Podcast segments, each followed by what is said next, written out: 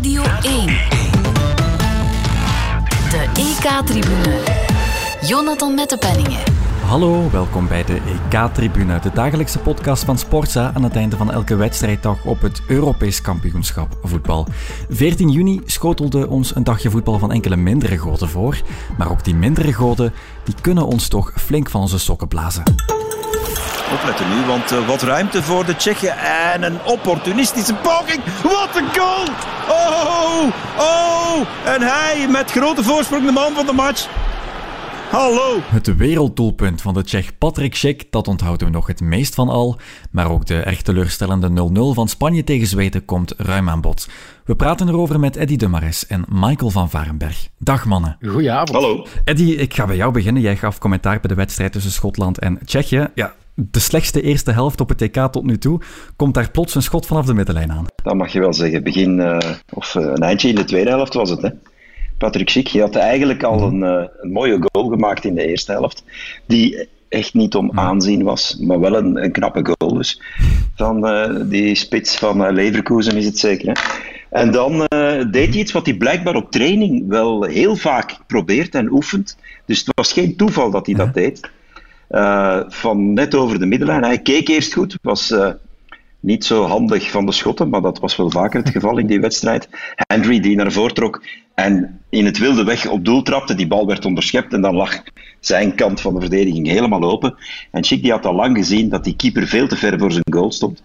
En hij probeerde het ineens. En uh, dus, zoals ik zei, geen toeval, want hij doet het vaak op training. Nee, exact. Patrick Schick die toont zich nu aan de wereld, maar het is ook niet helemaal een nobele onbekende. Hè? Stond al jaren nee. te boek als een groot talent, maar heeft dat potentieel ja. misschien nog niet helemaal kunnen invullen. Maar het is wel een goede spits, hè? Beetje zoekende, hè? bijna elk jaar van club veranderd, maar nu toch een, een redelijk seizoen achter de rug. En misschien is dit wel de, de, het laatste zetje dat hij nodig heeft om, om echt carrière te gaan maken. Hè? Voilà. Weet je wat het lot in het Duits is? Ja, ik heb het geweten. Het lot. Het lot.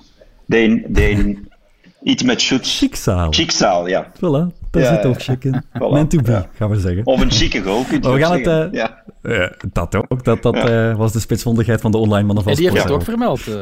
Ja, ja, ja. ja, dat... ja. Oké, okay, dan, dan ik je nu oneer aan. Een beetje voor de hand. ja. Een beetje. We gaan het uiteraard ook hebben over de wedstrijd van de Spanjaarden tegen Zweden. Een, ja, een wanprestatie moet je het noemen. De eerste test voor een van de schaduwfavorieten tegen een gehavende ploeg. Eddie, je hebt die wedstrijd natuurlijk ook gezien. Ja. Maar we brengen er dus nog iemand extra bij. Dat is Michael van Varenberg. Die maakt ook deel uit van Sporza. En die kan je misschien wel kennen van zijn podcast Croqueta over La Liga. Michael, jij weet dus alles over Spaans voetbal. Maar evenwel ben je vanavond misschien elk greintje liefde voor dat Spaanse voetbal verloren. Dat denk ik niet. Ik zou het niet zo cru, uh, cru stellen. Nee. Het, als je 80% balbezit hebt en je hebt, je hebt toch kansen uh, mm-hmm. kunnen creëren, moet je ook niet uh, Spanje met alle zonden van Israël overladen, vind ik eerlijk gezegd. um, wat vooral ontbrak was een, een efficiënte spits. Morata. Mm-hmm had al in de oefenpartij tegen, tegen Portugal een gigantische kans uh, de nek omgevrongen. En we kregen éénzelfde spelbeeld eigenlijk als in die oefenwedstrijd, waar de Portugezen nergens waren. Um, Zweden was misschien zelfs nog slechter, vooral defensiever. Um, als je ook je beste speler naar, naar de kant haalt, je beste aanvaller met Isaac, ja, dan weet je dat je speculeert op een gelijkspel. En ze zijn daarin geslaagd. Mm -hmm. En dat heeft meer, denk ik, met de onkunde uh, van, van Morata uh, te maken dan, dan per se met het slechte spel van Spanje. Soms ontbrak er inderdaad wel wat creativiteit, maar we mogen niet vergeten dat het uh, 34 graden was. Dat er ook nog heel veel jonge, onbewezen mensen op dat, op dat veld stonden bij Spanje. Dus ik hoop op beterschap in de tweede wedstrijd. In 2010 verloren ze een openingsmatch, werden ze wereldkampioen. In 2012 speelden ze tegen Italië gelijk. Dus het ligt een beetje in, in, in de lijn der verwachtingen misschien. En op de wereldbeker scoorden ze ook niet zo gek veel eigenlijk. Nee, nee, nee. nee. nee, nee ze hebben een heel moeilijke groepsfase uh, eigenlijk doorsparteld uh, in de wereldbeker dat ze ja. dan uiteindelijk winnen in 2010. Uh, maar eigenlijk, ik moet wel eerlijk zijn, ik zie geen beterschap met, uh, met drie jaar geleden op dit moment bij Spanje. Dus de namen zijn misschien iets anders, maar... Nee, daar vrees ik ook voor. Je hebt hem al aangehaald, Alvaro Morata. Ja, die was inderdaad echt al niet goed tegen Portugal. Waarom staat hij er nog in, Michael? Ja, hij is groot, struis en, en ja, Luis Enrique wil echt wel met een soort targetman toch spelen in, in zijn systeem. Um, maar in het afleggen moet hij, vind ik, al onderdoen. Um, ten opzichte van Gerard Moreno, die veel te laat gebracht is door, uh, door Luis Enrique. Uh, Morata heeft effectief wel uh, eh, 20 goals gescoord dit seizoen over alle competities. Slechts 11 in de Serie A. Maar de man in vorm is toch Gerard Moreno. En dat is minder een targetman. Dat is iemand die ook de zijkanten gaat opzoeken. een beetje type Benzema, type Thomas Muller. Maar ik zou altijd, altijd gewoon gestart zijn met, met Gerard Moreno, omdat die in de vorm van zijn leven verkeert. Ja. Dat denk ik ook. Ja, de wissels van Luis Enrique, die die waren toch ook vreemd. Hij haalt Morata eraf, niet om zijn spits Gerard Moreno erop te brengen dan, wel Pablo Sarabia.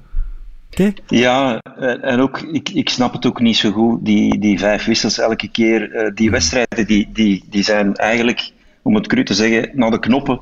Want twee wissels, nog twee wissels, aan de andere kant twee wissels, weer twee wissels. Dat laatste half uur wordt, wordt er eigenlijk nauwelijks nog gevoetbald. Het was een wonder dat er, dat er in die extra tijd toch nog grote kansen kwamen voor Spanje. Ja. Dus ik snap los van of die wissel nu terecht was of niet, of hij, of iemand anders had moeten brengen of niet.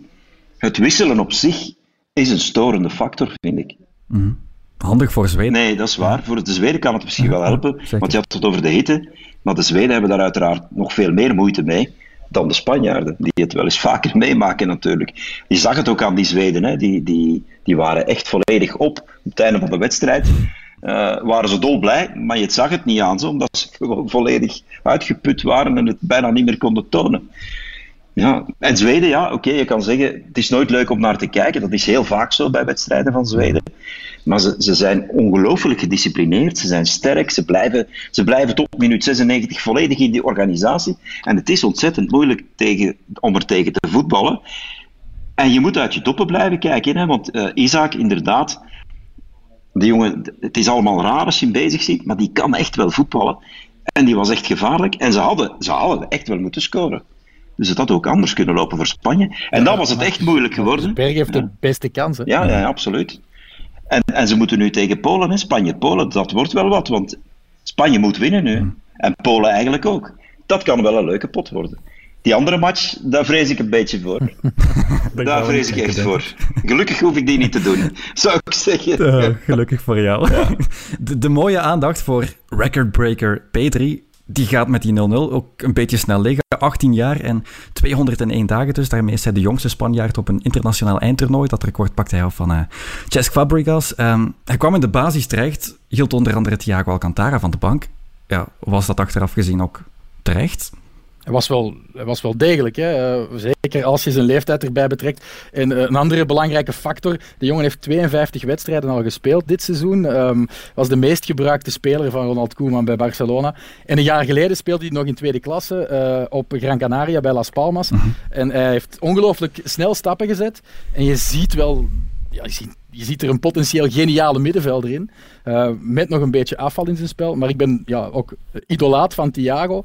Dus als ik kon kiezen, speel ik altijd met Kokke en Thiago in dat middenveld. En, en ja, moeten Rodri en uh, misschien ook wel, uh, wel Pedri op de bank beginnen. Maar Pedri is, is iemand voor ja, misschien nog niet dit toernooi, maar wel het WK 2022. Um, ik, ik, zie hem ontzettend graag, graag bezig. Hij heeft ook echt wel een paar mooie balletjes uh, uit, passes uitgedeeld voor Jordi Alba. Um, die wisselwerking tussen die twee van op de club ja, zag je ook wel uh, op het veld bij uw nationale ploeg. Dus het is zeker een aanwinst, maar of hij echt effectief ja, elke wedstrijd moet starten, dat vind ik moeilijker om te zeggen, eerlijk gezegd. Mm.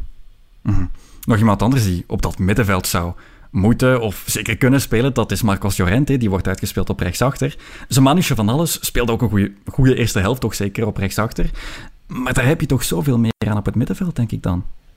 Ja, ik zou hem zelfs, um, als je toch met een soort Atletico Madrid-achtig systeem wil spelen, zou ik hem zelfs gewoon ja, rechts zetten eigenlijk. Uh, maar uh, ja, Luis Enrique heeft nu vandaag gekozen voor uh, een viermansdefensie en daar Jorente als rechtsback gebruiken. Ik dacht eerst, ja, dit, doe je niet, want de jongen is niet opgeleid als rechtsachter, is opgeleid als een verdedigende middenvelder.